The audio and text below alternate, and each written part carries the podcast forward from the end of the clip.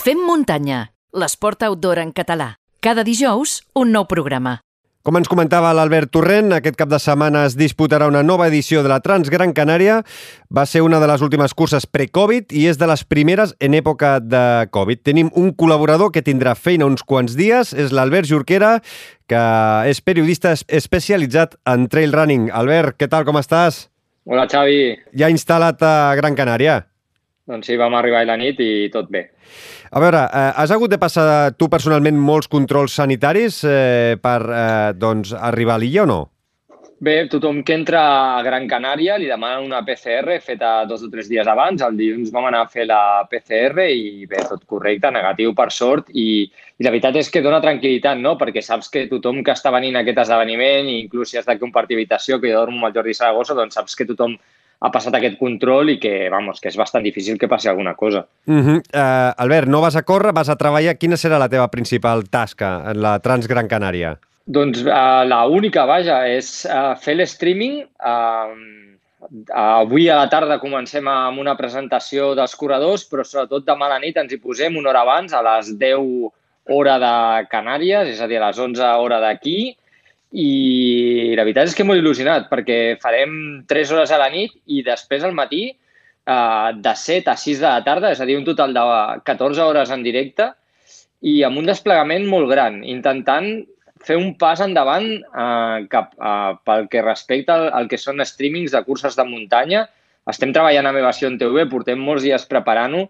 Estem intentant que hi hagi molta informació en directe, tot i que serà difícil perquè se solapen tres o quatre curses, però que tothom en tot moment tingui la informació de com va el cap de cursa, intentant també donar moltes imatges que fins i tot mai s'han vist en una cursa de trail, com podria ser un dron en directe o un corredor, aquells vídeos que fa el Biel Raffles, que també està a mhm. l'equip, eh, que es puguin veure un seguiment i que es pogués veure en directe. Eh, aleshores, bé, si tot surt una miqueta bé, perquè ja sabem que això dels streamings internet a vegades és complicat, eh, crec que pot ser una cosa bastant interessant no? i que pot ser un estàndard de cara al futur. Mm -hmm. I a més a més, si podem saber on estan eh, posicionats els principals corredors, doncs eh, millor que millor. Això per eh, seguir-ho suposo que entren a la web de Transgran Canària. Serà bàsicament per, per YouTube de Transgran Canària, uh, farem públics els links i tot, i la web de Transgran Canària. Bàsicament, a partir d'aquí, després amb el suport de diversos clips que hi haurà a les xarxes socials, no? una mica els highlights, però bàsicament es podrà seguir doncs, això durant 14 hores i a més també volem que, que la gent participi, que hi haurà un sistema que la gent podrà enviar missatges i sortirà en pantalla, que enviï preguntes a la gent que estem allà i les responguem, que sigui una cosa interactiva, que no sigui una persona només parlant amb imatges, sinó que la gent també doncs, uh, pugui participar d'això, no? que una mica és el que es porta avui en dia a les xarxes i, i a internet. Doncs estarem pendents d'aquesta feina que, que fareu tot l'equip.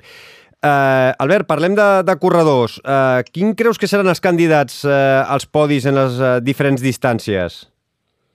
Va, comencem, si et sembla, per la clàssic, que és la cursa, potser la, la cursa reina, la que té més solera. Perfecte. Eh, com sabràs, en aquesta edició, i com tothom s'imagina, hi ha hagut bastantes restriccions. De fet, um, de 4.000 corredors es passa a la meitat, 1.900, 2.000, Eh, molts corredors ens comentaven els organitzadors que, per exemple, els corredors de, de Gran Bretanya directament no poden venir, altres poden venir però és molt difícil.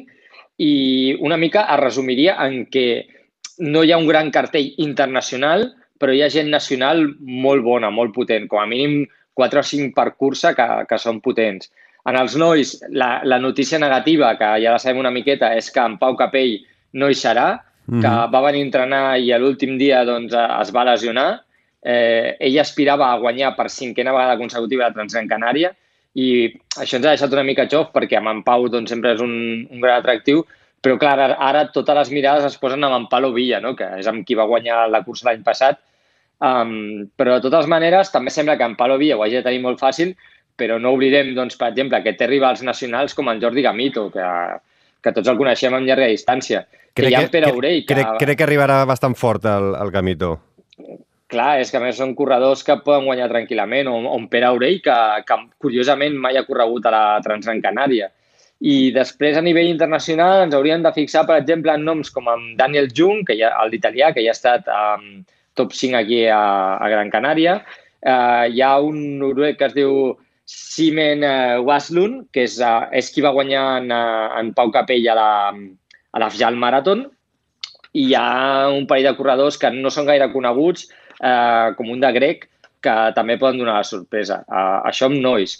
Amb noies hi ha, hi ha tres favorites molt clares, que són, que també, ojo al nivell, eh? la, la Zara García, que ja ha guanyat la Transgran Canària, la Ragna de Bats, que també ho ha guanyat tot, però curiosament, com en Pere, mai ha corregut aquí a, a Gran Canària, i la Magdalena Laxac, la polaca, que ha guanyat dues edicions. I després, en clau catalana, també tenim la Clàudia Trems, que l'any passat ja va ser top 5 i que jo crec que aquest any pot estar també per allà dalt. Mm -hmm. Llavors ja passem a, a la distància marató.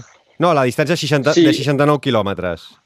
A l'Advance. Sí, ja, l'Advance potser és la cursa en la que hi ha, entre cometes, menys noms. Uh, hi ha l'Elo Folson, el suec, Thiago Cantante, portuguès, potser són els, no, no, no són noms molt destacats, així com l'any passat hi havia dos o tres, perquè recordem també que a la Transgran Canària hi ha dues curses que formen part de l'Spartan Trail World Championship. Uh mhm. -huh. Una és la clàssic i l'altra és la marató. I són, jo crec que les curses on, on hi ha més nivell. L'Advance és una cursa molt bonica, però no hi ha tant nivell, però a la marató sí que eh, són corredors eh, nacionals, però jo crec que hi ha un nivell espectacular. De fet, jo crec que hi ha més nivell, diguéssim, en quantitat que a la cursa llarga. Perquè per si exemple... vols comencem a repassar noms, per exemple, mira, tenim l'Andreu Simón, que, que va guanyar l'any passat, que és campió d'Espanya de trail. En Mario Olmedo, que va ser tercer. Després tenim uh, Joel Aubeso, Joel De Paz, uh, tenim noms com l'Alejandro Forcades, uh, un grec que es diu Dimitris Seledis, que, que no és molt conegut aquí, però que ha sigut top 3 de, de l'Olympus Marathon. Hi ha Marco de Gasperi, que, que ja és gran, però que, que és una llegenda de, del trail. Eh, Antonio Martínez, Borja Fernández, que són noms que potser pel gran públic no són molt coneguts, però que, que són rapidíssims i que en una cursa més, eh, la marató, que té més desnivell eh, negatiu, diguéssim, és a dir, es baixa més que es puja, és una cursa super ràpida, que es guanya en 3 hores, eh, fa que sigui molt oberta.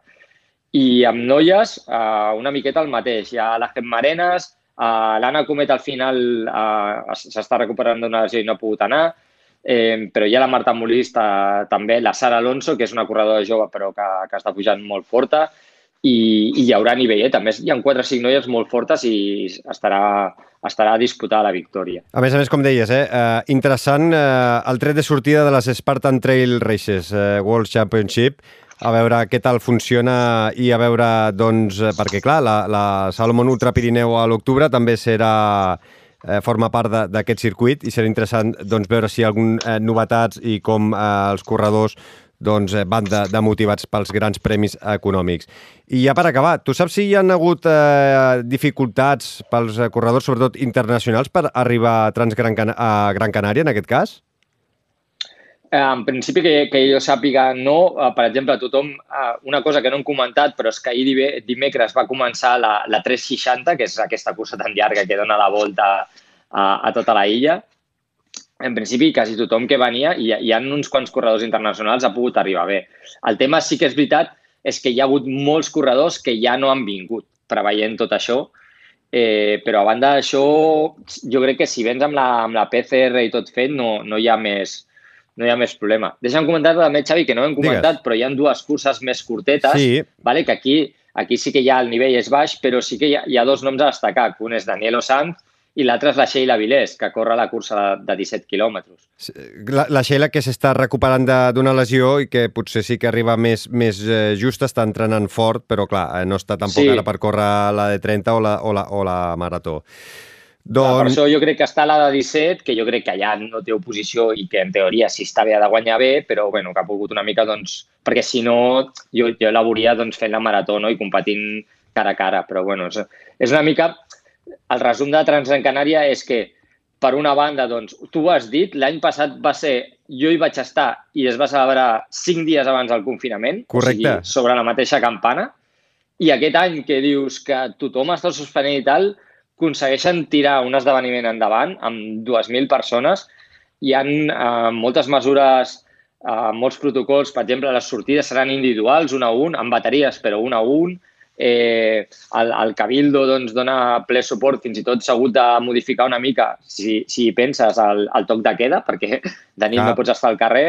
Eh, òbviament no es vol públic, per això s'aposta tant per l'streaming, s'han canviat les arribades, però tot i així, una mica també la gran aposta és per ensenyar al món, entre cometes, i sense grans pretensions, però ensenyar al món de dir, ei, es poden celebrar esdeveniments massius amb moltes mesures de seguretat, però, però es pot fer. Mm -hmm. Esde esdeveniments eh, massius i sobretot també amb corredors que, que venen de totes les parts diferents del món. Vull dir que això és important perquè a casa nostra a la, a la primavera, estiu i tardor tenim diverses curses que, clar, tot depèn a veure com evolucioni i que mm, Trans Gran Canària serà, eh, doncs, potser un model a seguir aquest any 2021.